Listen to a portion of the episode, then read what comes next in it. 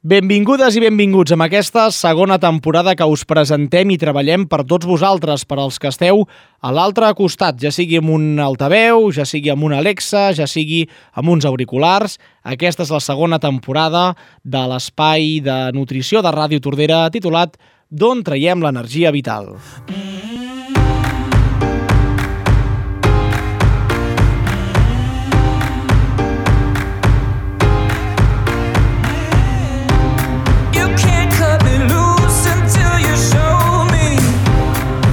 Doncs vinga, desitjant que estigueu la mar de bé sobretot aquests espais i aquests episodis que us presentem i treballem per tots vosaltres també siguin de la vostra grat i siguin també del vostre entreteniment, que li podeu treure un profit, perquè al cap i a la fi, amb la profession- professional que tot seguit eh, anem a presentar, doncs eh, això és una realitat, perquè sense ella això no podria ser possible. La nutricionista tordarenca Marina Sala, què tal? Benvinguda. Hola Joan, com estàs? Mira, doncs amb moltíssimes ganes de començar ja aquesta segona temporada per als oients o per a la gent que ens escolta Uh, bé, segurament deuen haver seguit el fil conductor d'aquesta primera temporada, d'aquells quatre episodis que ja vam eh, presentar. Ho desitjo. Exacte, i ara doncs el que fem és presentar nous continguts, uh, un nou I format. tant, seguim, amb més i millor. a això, amb guies i amb taules perquè vosaltres, els que ens escolteu, doncs també traieu el vostre profit.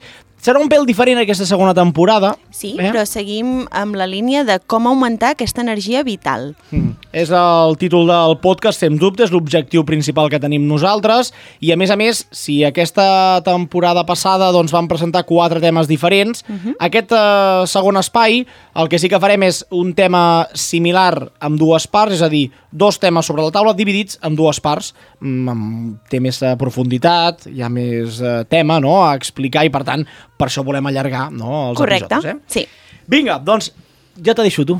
Marina Sala, jo m'he enrotllat ja massa. Te deixo a tu que gaudeixis i agafis el micròfon amb força. Gràcies. Perquè ens expliquis exactament de què anirà la temàtica d'avui i del proper episodi.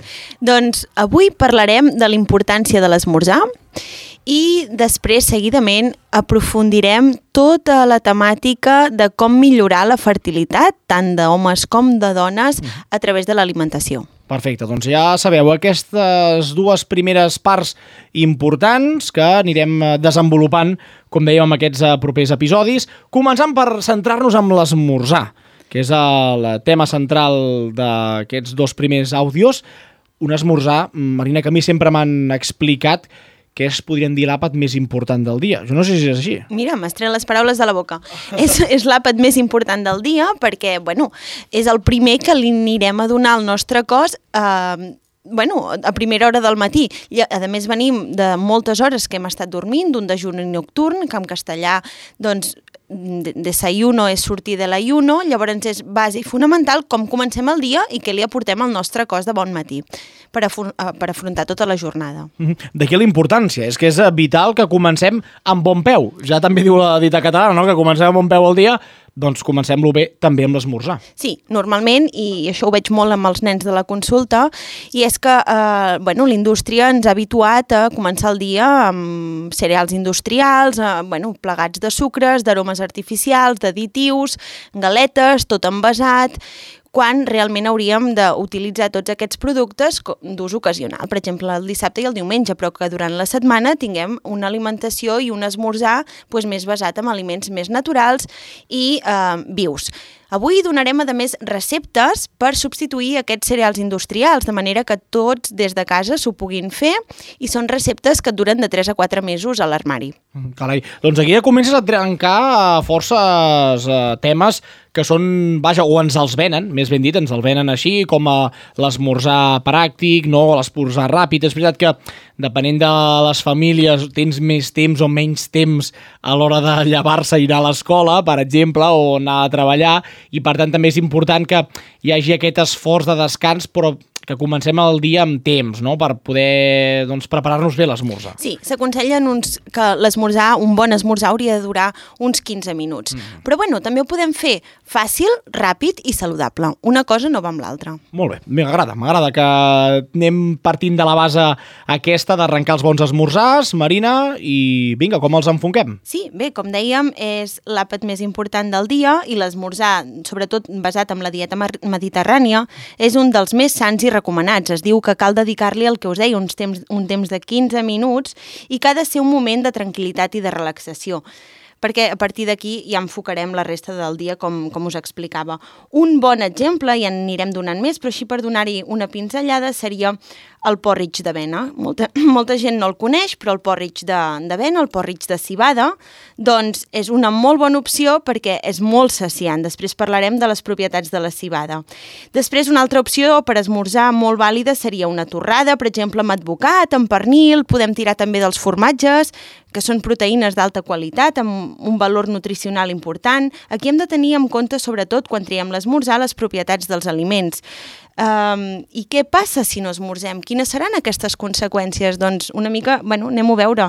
Hi haurà una falta de glucosa i això produirà doncs, un decaïment, una manca de concentració, mal humor, manca energètica, descens del rendiment i sobretot en l'edat de creixement. Aquests nens que van a l'escola sense haver esmorzat s'ha vist que no rendeixen igual i els hi costa concentrar-se.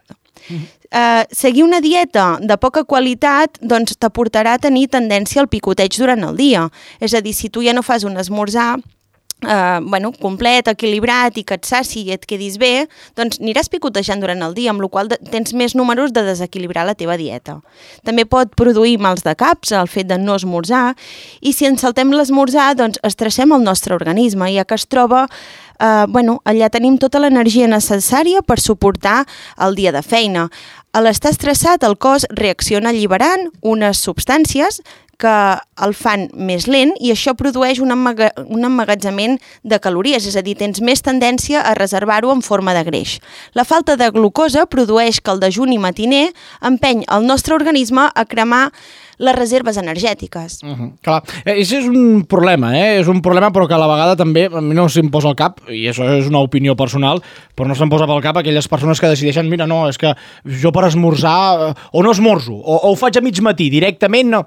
Ostres, això, al final, perdona, jo quan me llevo tinc gana, vull dir, per molt que, que hi hagi, i, i es nota això també, bueno, no? perquè tu tens un metabolisme que funciona, o sigui, el que hauria de ser és que tu t'aixequis amb gana. Mm. Però moltes vegades fem atracons nocturns, mengem a deshora, o no mengem durant tot el dia i a partir de les 5 de la tarda comencem a fer ingestes excessives o fem un sopar massa abundant. Llavors és normal que no, bueno, que t'aixequis sense gana perquè satures el teu metabolisme, satures el teu sistema. Mm. Llavors és important també que deixem temps a aquest reposar, mm -hmm. perquè a la nit, aquest dejuni nocturn, de manera que hi hagi aquesta reposició celular, que és molt important. Molt bé, doncs uh, mira, tot va lligat una cosa amb l'altra. És que al final, uh, a les jornades, el cos també les pateix, també les viu. Uh, el descans, uh, la bona alimentació, els hàbits saludables, ens fartem de dir-ho en aquest espai, com també ho hem fet a través de la ràdio, a donar bons consells perquè la gent, uh, ostres, és aquesta rutina que hem de cuidar, hem de tenir com a important, Marina. I a vegades són coses senzilles que hem de canviar. Estem parlant de l'esmorzar, no? Algo que n'hem parlat tota la vida. Doncs us diria que el 70%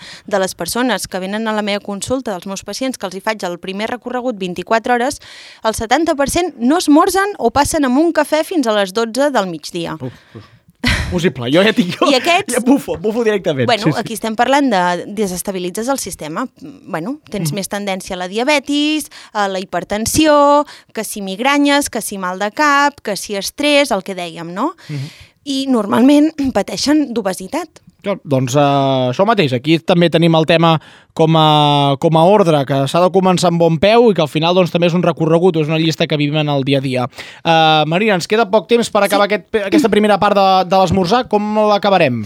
Bueno, uh, l'acabarem parlant dels beneficis de l'esmorzar, però abans que res m'agradaria que tots entenguéssim que si activem el metabolisme de bon matí, aquest cos treballa, mm -hmm. amb la qual el metabolisme basal, que és el que tu cremaràs amb repòs, està actiu tot el dia i el teu sistema digestiu va treballant i va cremant quilocalories.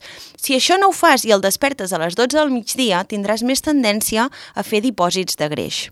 Vinga, doncs aquí aquests dipòsits que no són gens recomanables o que ningú els vol tenir tampoc. Doncs aquests beneficis de l'esmorzar passarien no només per millorar l'estat nutricional, sinó que ajuda a millorar la ingesta de la, de la major part de nutrients, perquè és quan tenim major capacitat d'absorció al matí. Seguir una dieta menys greixosa i més rica en fibra, vitamines i minerals seria interessant. Accelerar el metabolisme, com us explicava, afavoreix a la prevenció de l'obesitat, millorem la concentració i contribueix a l'alt rendiment. Molt bé. Doncs eh, aquests beneficis són els que ens eh, comenten i el que ens aporten els esmorzars i que si ho apliquem de la millor manera, doncs segur que també ho aconseguirem.